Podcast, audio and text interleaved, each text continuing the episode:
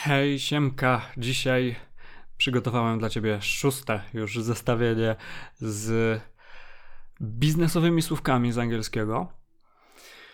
Jest to zestawienie, które zdecydowanie przyda się menedżerom, osobom poszukującym pracy i tak dalej, i tak dalej. Dzisiaj generalnie mocno skupimy się na przywilejach, trochę na rozsyłaniu CV, E, będą słówka dotyczące zmian w kadrach, awansów, e, również wykręcanie w ogóle świetnych wyników nam się pojawi, czyli dosyć pozytywnie, jakby nie było.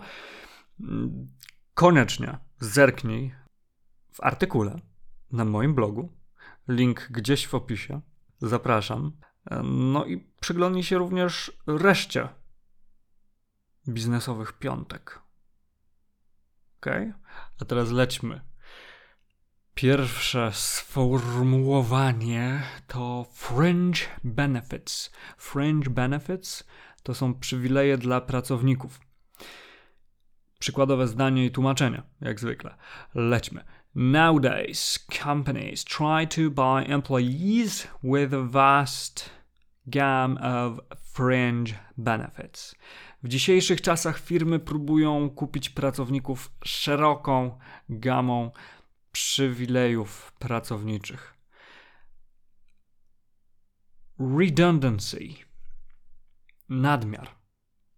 The redundancy of funds is going to be spent on new equipment for our employees. Nadmiar funduszy zostanie wydany na nowe urządzenia dla naszych pracowników. Trzecie słówko. To appoint. Mianować. Since Susan is pregnant, we need to appoint a new deputy of her department. Skoro Susan jest w ciąży, musimy mianować nowego szefa jej działu. To be out of business. Numer 4. To be out of business to znaczy nie być na bieżąco, wyjść z biznesu, wypaść gdzieś tam z biznesu. I've been out of business for a decade, so I have no clue what is happening on the market right now and I will be of no use to you. Nie jestem na bieżąco z branżą od 10 lat, więc nie mam pojęcia, co się teraz dzieje na rynku i nie przydam się Wam.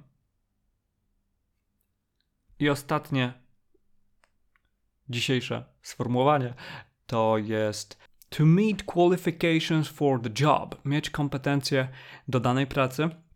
You should send your CV only when you meet the qualifications for the job. Powinnaś wysłać CV tylko wtedy, kiedy masz kompetencje do tej pracy.